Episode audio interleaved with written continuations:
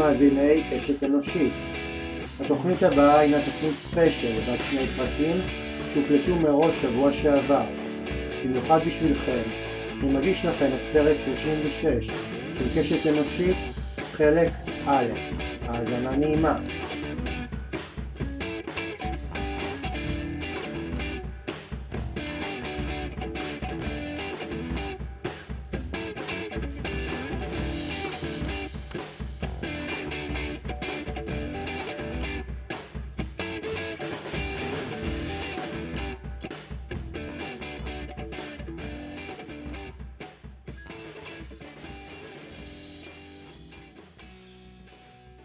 שלום לכם, אתם על עוד תוכנית של קשת אנושית בהנחיית אהוד שפייזר.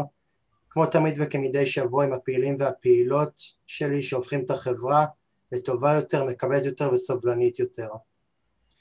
המרואיינת של קשת אנושית להפעם היא ספורטאית בענף הכדורעף. היא נמנתה עם נבחרת ישראל בכדורעף נשים, והקריירה שלה מתפרסת על פני 28 שנים. היא נולדה בחיפה למשפחה מוסלמית ולה שלושה אחים. הוריה הנחילו בה ערכי סובלנות וכבוד אדם.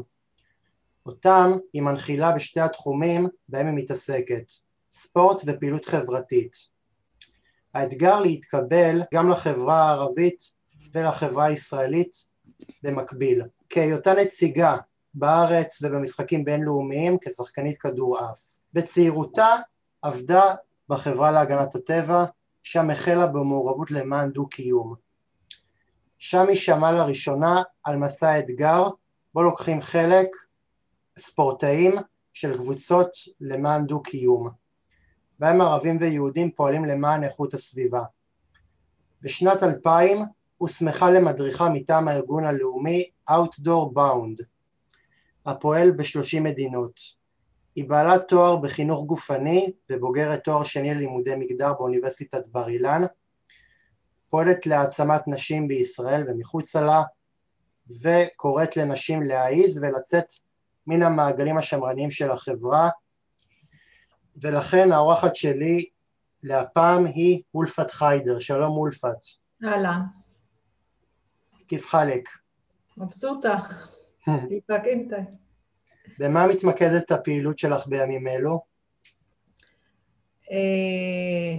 אני מוציאה מסעות אתגר בטבע אה, לקירוב בין תרבותי והדגש שלי בשנים האחרונות לקבוצות נשים ערביות יהודיות שאני מוצא, מוציאה אותן למסעות בהרי הימאליה, אלפים, קירגיסטן, אה, קוסטה ריקה, להכיר דרך הטבע. Hmm. ו- ואת מעריכה שהחיבור הזה לטבע ולנופים הפסטורליים עושה את שלו? אני, מתוך החוויות האישיות שלי, גיליתי שבטבע אנחנו שווים בין שווים כולנו שם. הטבע מקבל אותנו איך שאנחנו, כפי שאנחנו, בלי שום שיפוטיות, וזה מקום אידיאלי לבוא ולהכיר במקום הזה. כל החושים נפתחים ואנחנו יותר אה, מחוברים לעצמנו מתוך המקום הזה. יש מקום אחד שבו בני האדם הם לא שיפוטיים אחד כלפי השני וגם אותו אנחנו מתעקשים להרוס. נכון. גם לזה אנחנו פועלים, לשמור כמה שאפשר. כן. אה, ראשית כל, אולפת, אה, עד כמה הבחירה שלך כאישה וכמוסלמית בקריירה ספורטיבית זה התרסה במסורת וברקע המשפחתי ממנו את הגעת? אני, הבחירה שלי בספורט זה היה ממקום מאוד טבעי למשפחה. יש לי שני אחים שחקני כדורסל, אחותי שחיינית, ומהמקום הזה אני בהרגשה שלי, ההתחלה הייתה שזה הכי טבעי לי ואני רוצה לעסוק בספורט, אבל אה, כשהתחלתי לעסוק בספורט אכן התמודדתי עם אה, אתגרים.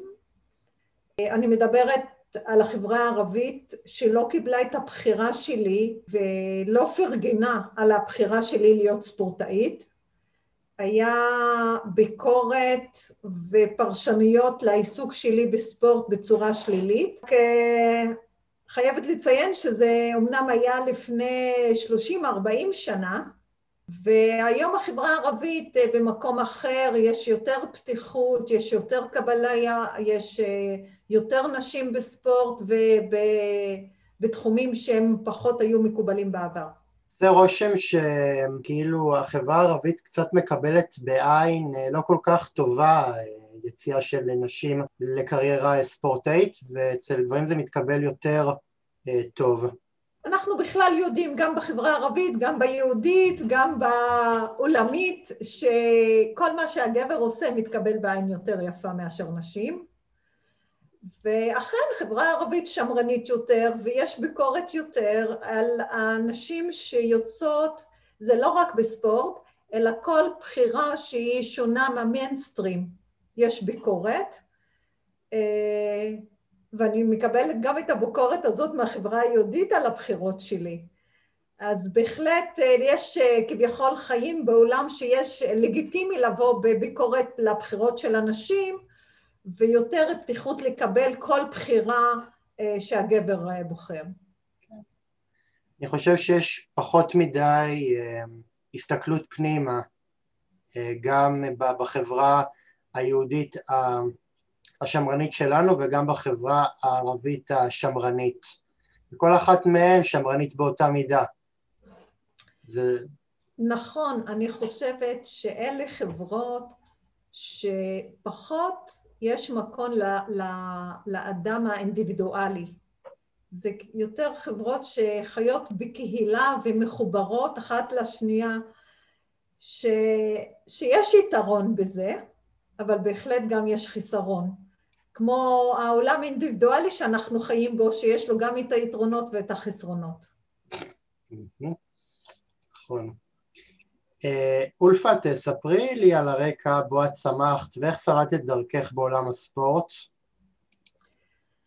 אה, אז זהו, אני בגיל, אה, יש לי שני אחים שחקני כדורסל, ובגיל 13 חיפשתי לשחק גם כדורסל, כי זה העולם שהיה מוכר לי. ואיכשהו התגלגלתי לכדורעף, הגעתי לכדורעף, והתאהבתי במקצוע הזה ובספורט הזה, כי בשבילי זה היה אדיר לשחק מול יריב כשיש רשת מפרידה ביני לבינו.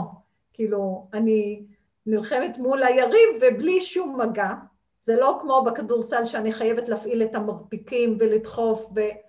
וממש אהבתי. התחלתי לשחק במטה אשר, שיחקתי כדורעף 28 שנים, ועם האתגר של חוסר קבלה אה, בחברה הערבית וחוסר קבלה בחברה היהודית, אה, אני תמיד מסכמת את האתגרים בזה שהחברה הערבית ראתה בי רק את האישה והחברה היהודית ראתה בי רק את הערבייה, אבל בתמיכה ענקית מהמשפחה, מההורים, אה, המשכתי ועדיין עד היום אני עוסקת בספורט אה, תחרותי, אני עושה טריאטלונים ורצה אולטרה מרתונים, שזה כל מרחק מעל 42 קילומטר בהרים. אה, אני חושבת ההתחלה הייתה מאוד קשה, אבל אחרי שהוכחתי את ההצלחות, יש היום יותר פרגון. כן. ואת למעשה האורחת הראשונה שלי בקשת אנושית שבאמת אה, היא ספורטאית. לא הערכתי עוד אף ספורטאי אצלי בתוכנית. האמת היא שזה חבל כי, כי ספורט אה, יש לו מין איזושהי אה, נטייה מאוד מאוד מאוד סטגמטית של, של איזשהו בידור המונים, פחות לוקחים את הספורט באמת לפן יותר, יותר קהילתי, יותר, יותר חברתי ומחאתי. קודם תודה על הבחירה, אני מאוד מעריכה ומודה לך. ואכן בספורט אני חושבת, אה, יש המון ערכים שאנחנו יכולים לחנך בספורט. אה, אני אומרת, זה כלי מדהים ברגע שאתה אה, מפגיש ששני אנשים שאוהבים איזה סוג של ספורט, כבר יש משהו משותף. יש שיחה משותפת על המשותף ולא על השונה.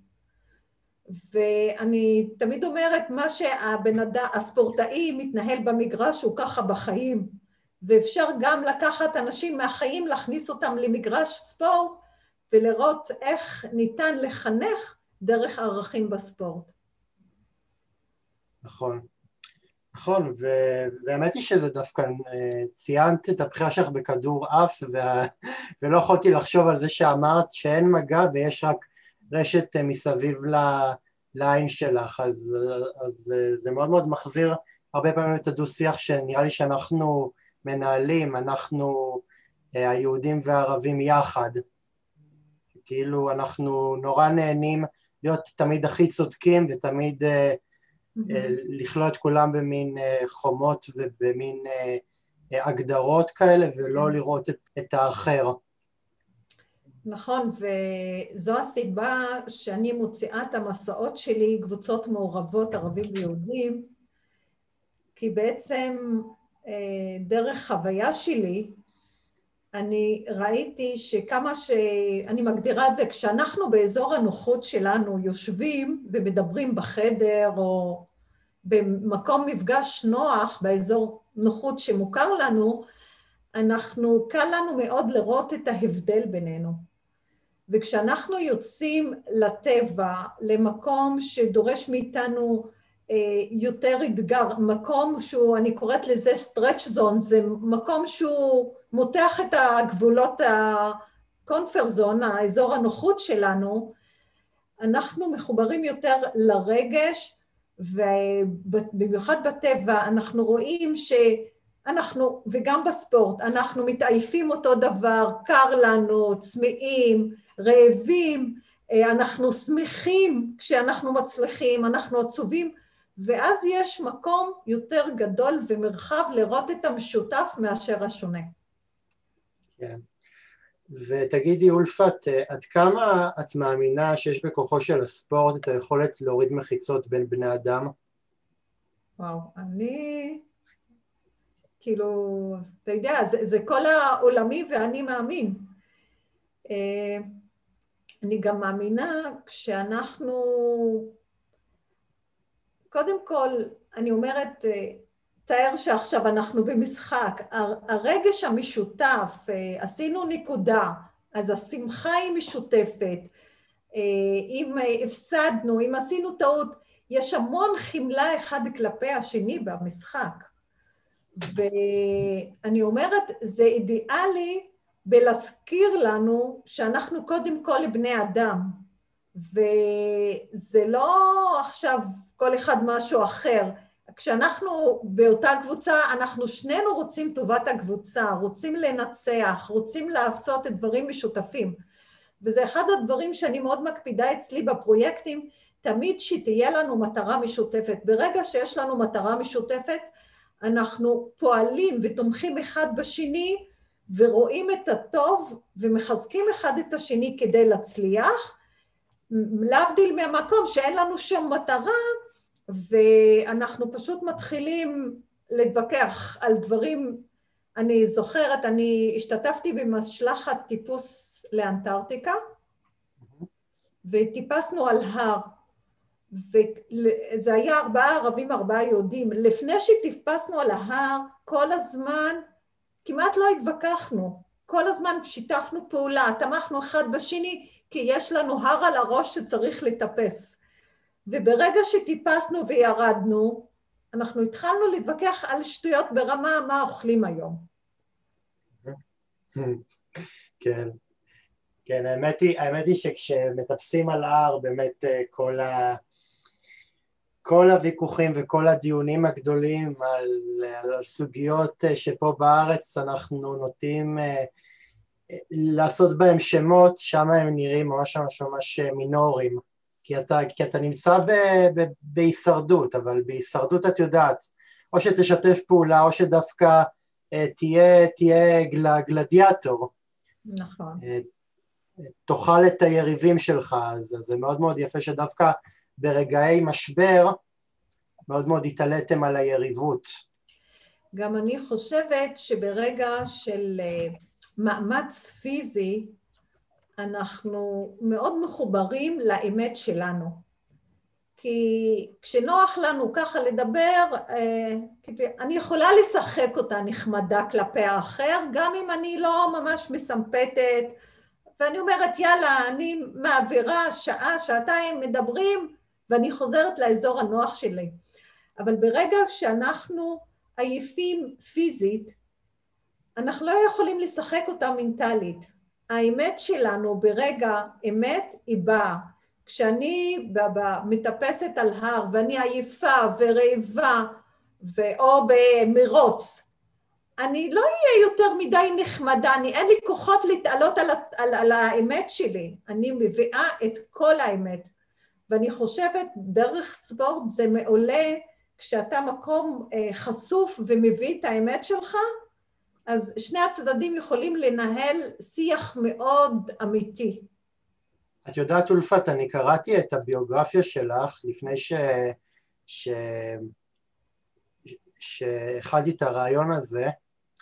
קודם כל, בוא, בוא נניח רגע דברים על, על דיוקם. את גם כדורעפרנית, ואת גם מטפסת הרים, כן. ויש עוד משהו ב, ברזומה או בביוגרפיה שהחסרתי? אני עושה טריאטלון, אחרי שפרשתי מהכדורעף המשכתי בטריאטלונים והיום אני מאוד מפוקסת בריצות למרחקים ארוכים בטבע. ומה יותר כיף, לראות ספורט או לעשות ספורט? מה לעשות, זה, בשבילי עשיית ספורט זה מדיטציה. אני, אני גם, אני יותר אוהב לעשות מאשר לראות. כן, את האמת, מאז שפרשתי מהכדורעף קשה לי כאילו לראות כספורט. אני יושבת, רואה משחק ומרגישה שבא לי לקום ולעשות משהו שאני יודעת, אז uh, במתח כזה כל המשחק, אז אני בהחלט uh, להיות uh, פעילה יותר. אולפת, כיצד את מעריכה שעצם העובדה שאת ערבייה היוותה במהלך השנים מכשול בהתקדמות בקריירה שלך כספורטאית? אה, אני יכולה להגיד שכל בן אדם שרוצה ויש לו את המוטיבציה ועם נחישות הוא יגיע ויצליח. אך לאנשים מהחברה הערבית או אני כערבייה זה לקח ממני, לוקח יותר אנרגיות, יותר השקעה וזה מין אה, מלחמה בתקרת זכוכית, וזה לא קל לפרוץ את תקרת הזכוכית. אז זה, זה דרש המון המון השקעה ואנרגיות, ו... אבל אה, עם המון נחישות והתמדה הצלחתי. את יודעת, אה, אולפת, אני חושב שיש מין איזושהי צביעות ביחס של, ה...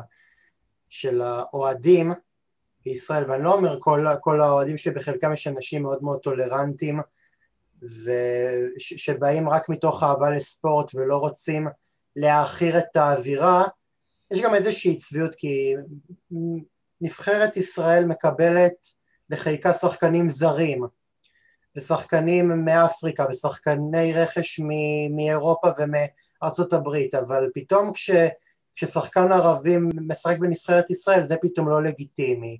אז כל השדים הגזענים יוצאים החוצה. יש לך איזשהו הסבר לגבי זה? תשמע, אני... אנחנו חיים במציאות מאוד קשה של... אני חושבת, אם הייתי פעם אומרת חוסר קבלה של האחר, היום אני אומרת זה שנאה של האחר. זה משהו מאוד עצוב לי. אה? אה, אני חושבת שזה חלק גם מהמדיניות שהייתה בשנים האחרונות, ואני רואה גם את חוסר קבלה של האחר, זה לא ברמה של ערבי יהודי, אלא כל אחד ששונה ממני הוא, הוא גזען, חוסר סבלנות, אנחנו שומעים בפוליטיקה את השיח של ימין ושמאל ו... זה, זה מעבר לערבי יהודי, אני רואה את החוסר קבלה של כל מישהו שהוא שונה מה, מהאחר, כלפי הלהט"בים, כלפי אנשים עם מוגבלות כלשהי. כאילו, אנחנו חיים במדינה ש... ש... שזה לגיטימי גם להביע את השנאה הזאת, היום אין שליטה על זה, אבל אפשר לראות במדיה החברתית, בכל מיני מקומות שאולי זה היה פעם נמצא ולא הגענו לזה, אבל אנחנו שומעים אה, שנאה, שנאה כאילו דברים אה, מאוד כואבים. כן. אולפת, אה, בואי, בואי קצת נחזור אחורה בזמן. בשנת 2012 יצאת לייצג את ישראל במשלחת אה, אה, למסע כיבוש הקוטב הדרומי, אנטארקטיקה, למי שעד כה לא, לא קולט את הרמז, שארך כמאה ימים, במטרה לקדם שלום ודו-קיום. כן. אשמח אם תוכלי לחלוק עימי ועם המאזינים מהחוויה שעברת בשעת אמת, חוץ מזה ש... שמעיון בביוגרפיה הבנתי שזה בכלל המטרה הייתה אחרת, המטרה הייתה להנגשת המים הבינלאומיים לאוכלוסייה הרחבה. נכון, המטרה, אה, נבחרתי ל... לייצג את אסיה בעצם, זה לא ישראל, אני שותפה בפרויקט עד הקורונה של אה, שבע נשים, אישה מכל יבשת, שאנחנו נפגשות בכל אה, יבשת, אה, היינו באירופה, היינו בארצות הברית, עשינו את המיסיסיפי, היינו בהודו, עשינו את הגנגס, את הגנגה.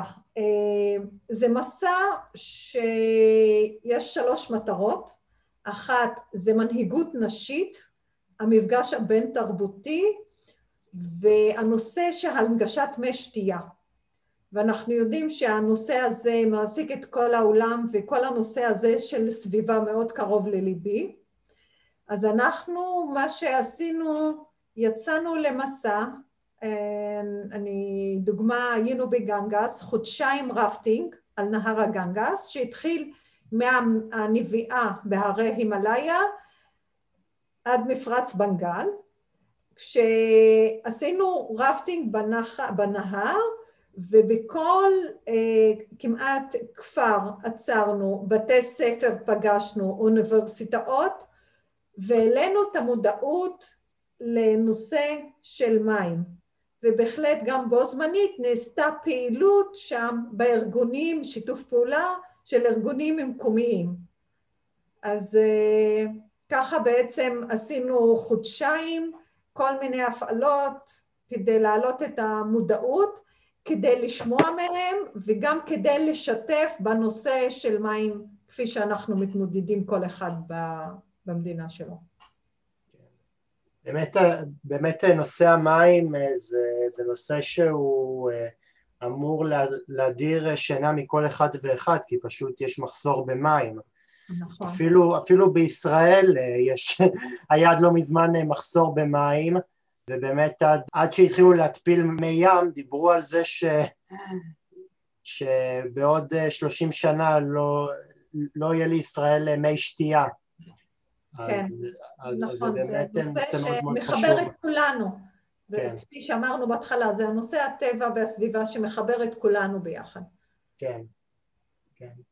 זהו, האמת היא שבמקרה הזה דווקא אה, הטבע ועם האדמה זה תחום שאין עליו קונצנזוס. כאילו כולם בבת אחת, ברגע האמת, מורידים את הנשק ו... ומתחברים אחד אל השני. נכון, נכון. כן. אה, אולפת, שתפי אותי מה זה אומר אה, ומה זה עושה אה, לך כאישה ערבייה לדעת הקהל הבינלאומית ולתדמית של ישראל בעולם כאשר את אה, נפגשת ספורטאים בינלאומיים ושאת מייצגת את ישראל בגאווה ובראש מורם. אתה נוגע בנקודה מאוד רגישה כאן. כן. דרך אגב, קהל המאזינים לא יודע, אבל אולפת ולי היה ויכוח לפני הריאיון על, על השאלה הזאת. כן. אה, כן, שאלתי אותך איך כאילו בניסוח של השאלה, כאילו בגאווה בראש מורם. אני, היום העשייה שלי שמפגישה ערבים ויהודים אה, דרך הטבע, זה היה תוצר של שתי חוויות משמעותיות בחיים שלי. mm-hmm. שהובילו אותי לעשייה הזאת. אה, אני בוגרת וינגייט ושנים לימדתי אה, חינוך גופני, ובאחת השנים גם לימדתי שחייה, אני מדריכת שחייה. לימדתי קבוצת ילדים בני שש לשחות בבריכה בטכניון, ובשלב מאוד מתקדם בקורס, בשלב שהתחלתי להוציא מצופים וללמד את הילדים לשחות באופן עצמאי, היה ילד בשם חן מאוד מאוד מבוהל, שהחזיק אותי קשה, ממש כזה, לא עזב אותי, ואז עברה חברה שלי ושאלה אותי בערבית, אמרה לי, וונטה בתחלסי. قلت לה בעד שוואי, הוא הסתכל עליי, אומר לי, מה אמרת עכשיו? אמרתי לו, היא שאלה מתי אני מסיימת, ואמרתי לה עוד, דק, דק, עוד מעט. אומר לי, באיזה שפה דיברת? אמרתי ערבית. אומר לי, למה? אמרתי, כי אני ערבייה. חן שמע את זה, נהיה ילד עצמאי. התחיל לשחות לבד, עם צעקות היסטריות בבריכה, ברח ממני, בכל שנייה. אני רואה אבא שלו רץ לכיוון שלי, המציל קפץ מהעמדה, מנהל בית ספר לשחייה יצא מהמשרד, שלושת הגברים עומדים מעליי וצועקים מה קרה לילד, מה קרה?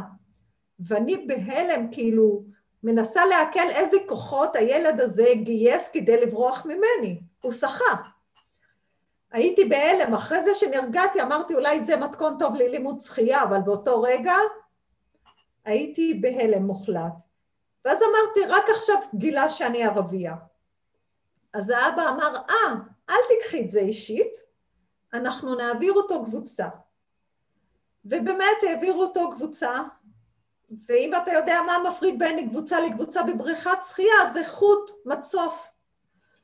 ומפגש אחרי זה חברה שלי עובדת, ואומרת אולפת, אני לא מצליחה לעבוד איתו. הסתכלתי עליו, המבטים נפגשו, ואני אומרת לו, חן, מה?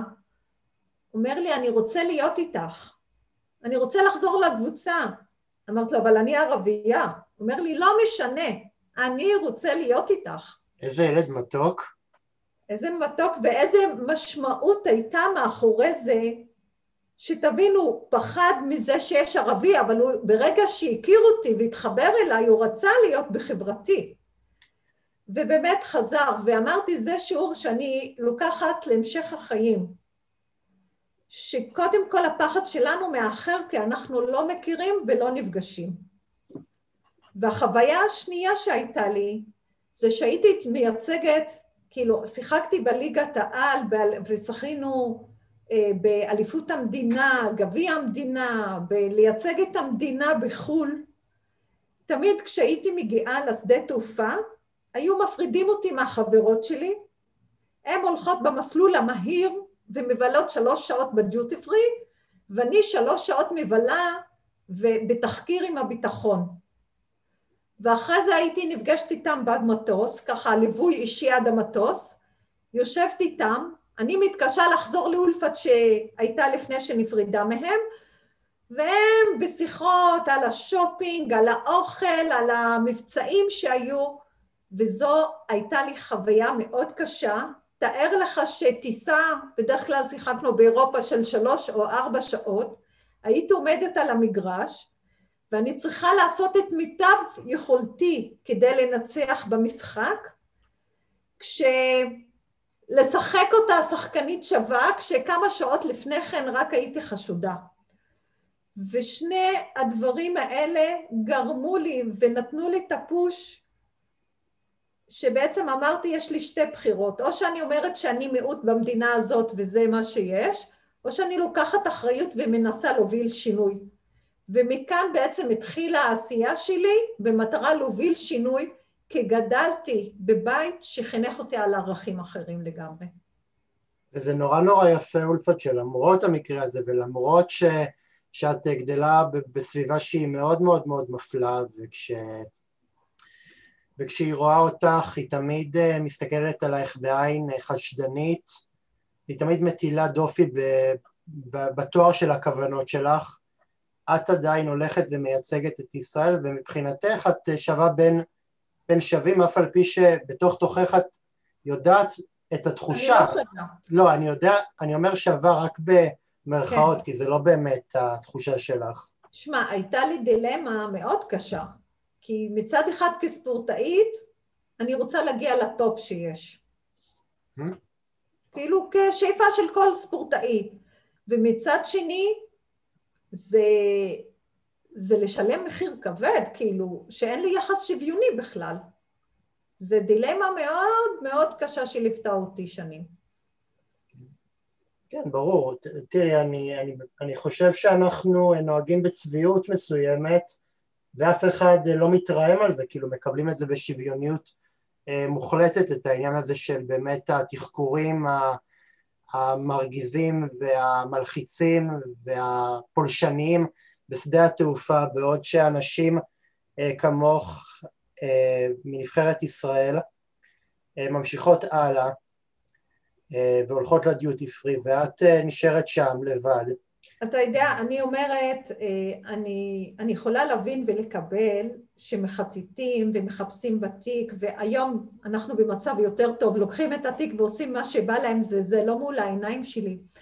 אבל אני אומרת, יש דרך בין לחטט בתיקים, תיקחו את התיקים, תפרקו את התיקים, אבל אל, ת, אל תחטטו לי בנפש ותפרקו לי את הנפש. ויש הבדל גדול בין שני הדברים.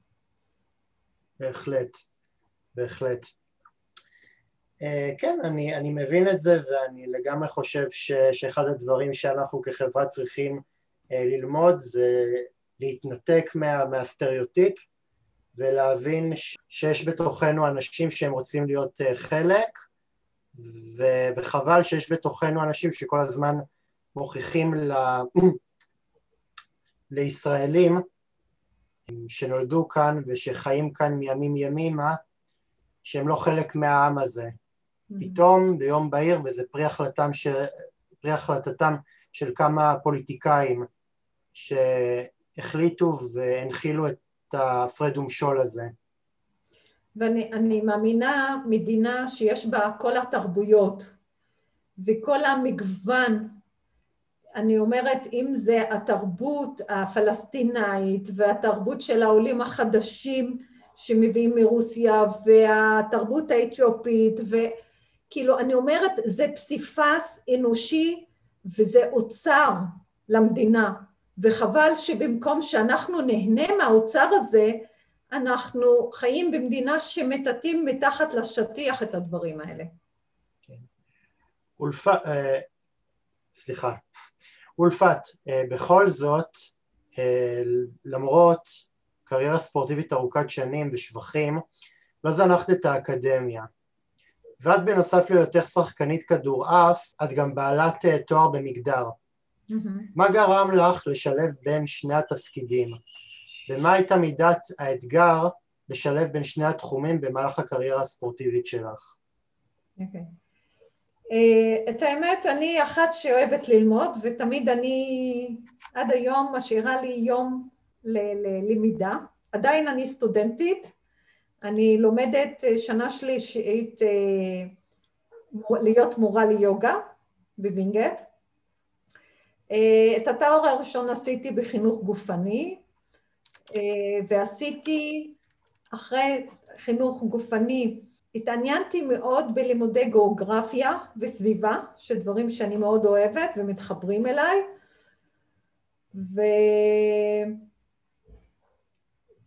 ואני בוגרת תואר גיאוגרפיה וסביבה מאוניברסיטת חיפה, והתחלתי להוציא קבוצות של, כפי שהסברתי, מסעות של קבוצות מעורבות, אה, נשים גברים למסעות בהרי האלפים והימאליה ותמיד אה, צרם לי בכל אה, קבוצה כזאת ההתנהלות של הנשים. כשאנחנו בשטח יש לנו חלוקת תפקידים כל יום, יש לנו מנווט, יש לנו את הרופא, יש לנו את הלידר ואת הטיימר ואת המאסף של אותו יום ואת הטבח של אותו יום ואת שומרי הסביבה של אותו יום, פשוט כל אחד בקבוצה יש לו תפקיד. ותמיד עניין אותי וראיתי שאנשים לא מעיזות לקחת את התפקיד של המנהיג של היום. והתחלתי ככה להתעניין ולשמוע מנשים שכל הזמן אמרו לי, וואו, כמה את יכולה, וואו, איזה מוכשרת, ואמרתי, אני לא, אין לי שום כישרון מיוחד, אני פשוט בן אדם שנאמן לרגשות שלו ועושה מה שהוא אוהב, וכל אחד ואחת יכולה. ויום אחד אמרתי למישהי שהיא עורכת דין, שאולי בא לה להיות היום הלידרית, המנהיגה של הקבוצה, ואמרה לי, לא, אני לא יכולה לקחת החלטות לקבוצה. אמרתי, עורכת דין זה כל היום לקחת החלטות, איך לא? ואז הבנתי שבעצם הרבה נשים לא עושות את החיבור בין גוף לנפש וליכולות שלהם, שכל הזמן, כאילו, יש להם את היכולות, אבל הן לא מעיזות אה, להשתמש ביכולות האלה ולא מאמינות ביכולות שלהן. ומתוך המקום הזה החלטתי שעכשיו אני כל שנה ביום הולדת שלי מטפסת על הר או עושה איזה מסע אה, לעצמי או איזה תחרות ובגיל 40 אמרתי אני מטפסת על הפוג'י, הר קדוש ביפן והתיישבתי שם על הפסגה לחשוב מה אני רוצה לעשות והנושא הזה של הנשים מאוד העסיק אותי ירדתי משם עם כמה תובנות, ואחת מהן שאני הולכת לחקור את העולם הנשי, מאיפה זה נובע. ואחרי סיום... רק היה חסר את אה, לוחות הברית שם. זה היה משהו דומה ככה. משם ירדתי באמת עם התובנה שאני רוצה להשקיע יותר במנהיגות נשית, והתחלתי לעשות קבוצות של נערות והיום אני מוציאה כל שנה בין שלוש לארבע מסעות נשים שבעצם הן מגלות מי הן דרך המסעות האלה. אז בשבילי כל הלימודים זה לתמוך, ואני מנחת קבוצות, אז והידע שלי כמדריכת טיולים ומורת דרך, אז כל הזמן הלמידה שלי כאילו עוד צעד קדימה בלחזק את מה שאני עושה, גם עכשיו היוגה, אני הולכת לתת את היוגה שלמדתי הזאת לקבוצות אנשים שיוצאות אותי איתי, לטבע, לשטח, לעשות איתם, אז כל הזמן אני מחדשת ומוסיפה עוד דברים. את יודעת אבל, אולפת, אה, המרואיינת הקודמת של התוכנית קשת אנושית, אה, ענת אה, ניר, דיברה על זה שיש גם הרבה פעמים אה, אה, אפליה שהיא מופנמת, מופנמת, כאילו אותה אישה שהיא עורכת דין היא, היא באיזשהו מקום כשהיא במשרדים היא נורא נורא דומיננטית ומקבלת החלטות אבל כשהיא בשטח וכשהיא צריכה לקבל החלטות לחיים ולמוות והם הרבה יותר קריטיים מההחלטות של הלקוחות שלה, פתאום פתאום אומרת מי אני האישה הקטנה מול, ה, מול העסקונה הגברית. אז אני חושב שאותו דבר אה, גם, גם פה, וזה נורא נורא יפה ש, שלשם החיים אה, הובילו אותך. כן, בהחלט, זה... אני גם אומרת תמיד, אה, מפתיע אותי כזה, כל כך מרגש אותי יותר נכון, לשמוע אישה שאומרת, אחרי שהיא טיפסה על הר, אומרת, וואו, אם אני יכולה ועשית את זה, זה אומר שגם בחיי היום-יום אני יכולה לעשות, כאילו, אני חזקה. והחיבור הזה של גוף ונפש מאוד חשוב, וכל כך אני נהנית לראות שאנשים, יש להם את התובנה הזאת ועושים את החיבור הזה. כן. אה, אולפת, אה, לצד מלא יוזמות יפות לעידוד הדו-קיום בין יהודים וערבים, יש גם הרבה שנאה ונאצות שמתבטאות אה, במגרשי הכדורגל והכדורסל מצד אוהדים משולהבים. כיצד לדעתך ניתן בעזרת כוחות משולהבים לשים סוף לתופעה המכוערת הזאת? אז כפי שאמרתי, אה, החינוך לערכים בספורט, כאילו, זה, זה חייב להיות, ויותר מזה, זה לחנך ולהכיר את האחר.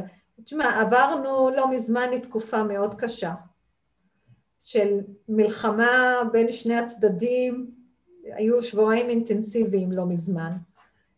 ו... ואני ראיתי, אתה יודע, בתקופה הזאת כמעט היה לי מש... משבר, שבעצם מפעל חיים שלי, שאני מאמינה בו, הוא מתרסק, כאילו אין, אין חיים משותפים, יש מלחמה בלבד, אבל אחד הדברים שראיתי ובאמת נתן לי תקווה, שכל הקבוצות שעברו את התהליך של המפגשים האלה, אני רואה את השיח בוואטסאפ, כשהם מדברים, או בפייסבוק, כשהם מדברים, גם כשנאמרים דברים קשים, הם נאמרו בצורה מאוד מכבדת. השיח היה ברמה אחרת. ואני חושבת, אם אנחנו נעשה למען המפגש עם האחר ולחנך לערכים, זה יתבטא בכל קבוצות ספורט שנפגשות ביחד.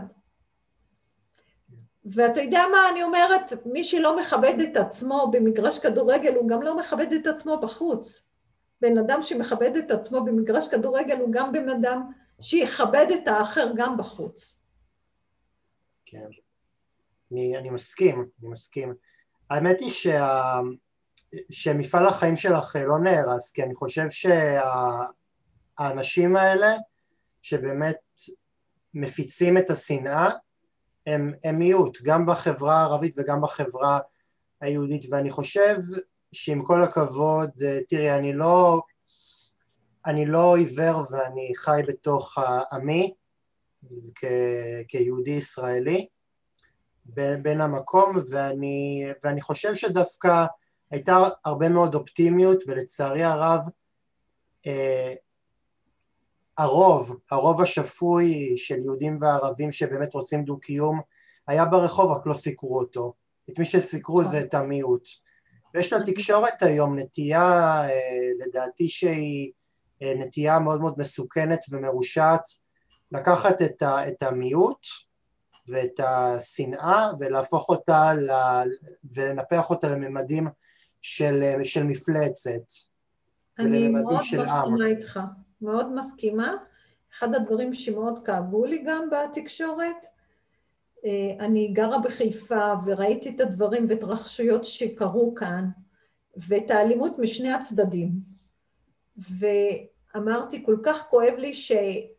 אתה יודע, אני שומעת את התקשורת בעברית ואני מקבלת את תמונה אחת. כאילו, אין מקום לצד השני, ואם מזכירים אותו במעט, ואני ש, כאילו שומעת את התקשורת בערבית וזה משהו, ואני אומרת כל כך חסר אה, תקשורת דמוקרטית שמביאה ומשקפת את הדברים כפי שהם בשטח. ולצערי, אני חושבת את התקשורת, איך שאמרת, היא מעצימה את השנאה ואת הגזענות ואת הדברים האלה, ולא מביאים את הסיפורים, את האחרים. אתה יודע, המון באים ואומרים לי, אולפת, את עושה הרבה דברים, למה לא שומעים עלייך כל כך הרבה? ואני אומרת, מי יעניין אותו שאני עושה דברים למען עתיד טוב יותר? אם הייתי עכשיו אומרת משהו אה, גזעני וזה, בהחלט הייתה חשיפה תקשורתית חבל על הזמן, אבל מי שעושה למען איכות ולא פילוג הוא לא מעניין. נכון. את התקשורת. אה, בואי נעבור רגע. יש אנשים כמוך שזה מעניין אותם. אה, טוב, אני, אני למען האמת הייתי בעברי, היום כבר לא, אבל אני הייתי פעיל בכמה אה, קבוצות פוליטיות שבאמת אה, מאוד מאוד התעסקו בדו-קיום יהודי-ערבי. לא, אז... אני, אני חושבת שגם העשייה שלך להשמיע ולתת מקום לכל, לכל הקשת החברתית, זה עשייה מדהימה, זה יש לה המון ערך. כל הכבוד לך. חבל שהתקשורת לא עושה את זה. אה, תראי, אה, תראי, יש, את רק, לא, את רק לא שומעת אותם, יש גם תקשורת אלטרנטיבית. נכון, לא ברור, אני מדברת על המיינסטרים, שני הערוצים שמובילים שרוב האנשים קשובים אליהם. תראי, תראי אולפת, אני לא מתקן עולם, אני רק יכול, אני רק יכול לתקן את, אה, אני רק יכול אה, להביא מהמעט שבמעט, אני, אני התחלתי את התוכנית משני אנשים אה, שהכרתי אותם והיום אני מראיין אנשים כמוך וכמו אנשים ש, שאת אמרת יפה מאוד בפיך את, מי היה, מי היה סופר אותם. כן, אבל אני, נכון, אני, תשמע, גם כשאני עושה את הקבוצות האלה של המפגשים, אני תמיד מאוד מבהירה, אנחנו לא באנו למצוא איזה פתרון לאיזה קונפליקט או לעשות איזה, אנחנו באנו ומתוך אמונה שכל אחד יכול להשפיע, אני לא הולכת לשנות את העולם, אבל כל אחד שעובר את זה יכול להשפיע על המעגלים הקרובים אליו. וזה בעצם ככה, זה כמו שאתה זורק אבן לים והאדוות מתרחבות לאט לאט, אז זה, זה תקוותנו. אולפת, אה, כפמיניסטית שגדלה בחבר, בחברה הערבית, עד כמה תופעות של שחרור נשים זה דבר שתפס תאוצה בשנים האחרונות בחברה המוסלמית ממנה התחנכת? כן. אה, טוב, החינוך שלי היה של חינוך של בית ערבי, כאילו פחות... אה, אה, הדתי לא... אני לא דתייה. תשמע, היום יש יותר ויותר פתיחות וקבלה, והיום אתה רואה יותר ויותר נשים שאחד הדברים, גם בחברה הערבית, גם ביהודית, גם בעולמית, שאתה רואה נשים שבוחרות אה, לפתח קריירה ולהצליח ולהשקיע, זה לרוב בא על חשבון אה, חי, הקמת משפחה. ויותר ויותר גם רואים את זה בחברה הערבית, נשים שבוחרות בלהשקיע בקריירה ולהתפתח בכיוון הזה. ואני מעריכה כל אישה שהיא מחליטה אה, כל דרך שהיא, אם זה לפתח קריירה או להיות אה, אשת אה, משפחה ולא לעסוק מעבר לגדל את הילדים, אני חושבת שזה שניהם מכובדים באותה מידה, וכל מה שאני חושבת שנכון שיהיה, זה שהבחירות שלנו יהיו מתוך הפנימי שלנו, מתוך אני מאמין שלי, ולא מתוך לחץ חברתי. כן, כן, נכון. אה, ראיתי גם, גם איזשהו סרטון שאת אה, הופעת, סרטון ישן, שבו את אומרת שמבחינתך אישה מוסלמית, אם, אם היא משקיעה את זמנה בגידול הילדים ובהחזקת משק הבית, זה, זה מבחינתך בסדר גמור כל זמן שזאת בחירה שלה ושזה נעשה ברצון וב, ובמודע. נכון. מבחינתך, אם, אם יש הגשמה של פמיניזם, זה גם אה, להביא במלוא מובן המילה את הרצון הנשי, גם אם הוא לפעמים רצון שאת אה, באופן אישי בחרת לא לאמץ. נכון. תשמע, ואני באמת אומרת... פשוט, אנחנו... פשוט את יודעת, אה, פשוט את יודעת, כי לפעמים אה, יש לנו דימוי של, של עקרת בית, את יודעת, אישה כנועה ו, וחלשה, ויש, ויש עקרות בית שהן, שהן פמיניסטיות. בהחלט, זו עבודה לא קלה, כאילו, זה באמת לא יורד. ואני אגיד, החברה הערבית והיהודית הם שתיהן חברות שמקדשות את התא המשפחתי, זה קדוש ממש. ואני בחרתי לא להקים משפחה, והביקורת שאני מקבלת מהחברה היהודית והערבית היא אחת. אף אחד לא, כאילו, לא, אף אחד לא מפרגן, אומרים, כאילו, המון שואלים אותי שאלות, ובאמת, כאילו, אני אומרת, מדהים כמה שתי החברות האלה בקטע של הקמת משפחה וילדים זה קדוש, שאין, זה... ואני אומרת לשתי החברות, כל עד אני בחרתי וזו הבחירה שלי, זה הפמיניזם בעיניי. כן. אולפת, בואי ניגע בזעיר אנפין בייצוג הנשים בספורט. האם את חשה שבאמת תחום הספורט יותר קורץ לגברים ומשאיר מאחור את הנשים בחברה? בהחלט, אתה יודע, יש מדד שאומר אה, איך מודדים כמה מדינה מפותחת לפי אחוז הנשים שעוסק בספורט באותה מדינה. זה המדד. ואנחנו חיים במדינה ש... קודם כל, בכל מקום בעולם אנשים פחות מקבלים תקציבים ותמיכה ביחס לגברים, אבל אם נסתכל ספציפי בארץ, מעבר לכדורגל הגברי שחוגג ואחריו הכדורסל, שאר ענפי הספורט הם בפיגור ענק, אם מבחינת תקציבים, השקעות ומגרשים ו... ותאר לך עוד כשמדובר בנשים. אני בזמני כשעסקתי ברמה הכי מקצוענית, בקושי היה לנו אפשרות להתפרנס ממשכורת של כדורעף. זה היה דמי כיס כזה, אבל הייתי חייבת לעבוד. והיית רואה שחקן, היום יש יותר נשים שכן יכולות להתפרנס מזה, אבל עדיין הפער בין המשכורות והתנאים שניתנים ומקבלים מהגברים הוא ממש לא... לא רק ספורט דרך אגב. נכון. לא רק ספורט. האפליה היא זועקת לשמיים ואני חושב שכל ייצוג כזה וכל profiling בחברה הוא מבורך בעיניי בלא מעט, בלא מעט ויתור על, על נוחות כפי שאת אומרת. נכון.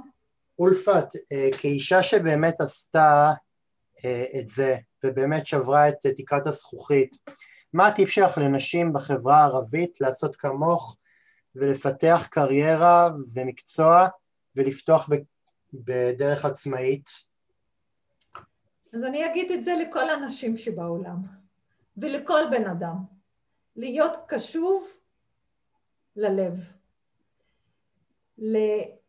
כשאתה קשוב לפנימי שלך, יש לך סיכוי להצליח, להיות נאמן לעצמך, להיות הכי קרוב שאתה יכול לעצמך. ולא ללחצים חברתיים והשפעות אה, חיצוניות. וזה בעיניי זה המפתח להצלחה. אם לא הייתי אוהבת את מה שאני עושה, מזמן הייתי... ובאמת, אה, לפעמים השיקול שלי זה לא כלכלי ולא מעמד ולא... אני פשוט צריכה שזה יבוא מתוך הבטן. זה מחובר ללב, וזה המפתח על הצלחה לכל אישה. ולעיז, לעיז, לפעמים יש לנו חלומות ורצונות שאנחנו מפחדים לגעת בהם. תאמינו בעצמכם, ואני אומרת, אם חלמת, זה אומר שיש לך את היכולת להגשים את החלום הזה. אולפת, לקראת סיום רציתי לשאול אותך על איזה הר, הר במטאפורה, עוד לא טיפסת בשביל להגשים את היעדים שהצבת לך במהלך אה, עשרות שנות עשייה?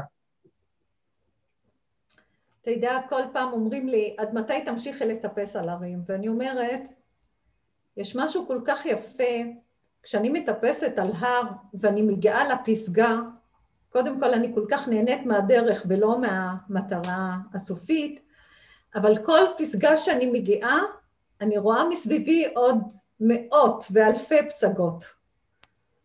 ואני אומרת, אף פעם זה לא ייגמר, אף פעם, ואני מאחלת לעצמי שאני אמשיך עם המוטיבציה הזאת לכל פסגה שאני כובשת, להגיע, לעמוד, לנשום, לראות איזה עוד פסגות יש מסביב ולהמשיך לפסגה הבאה. כן.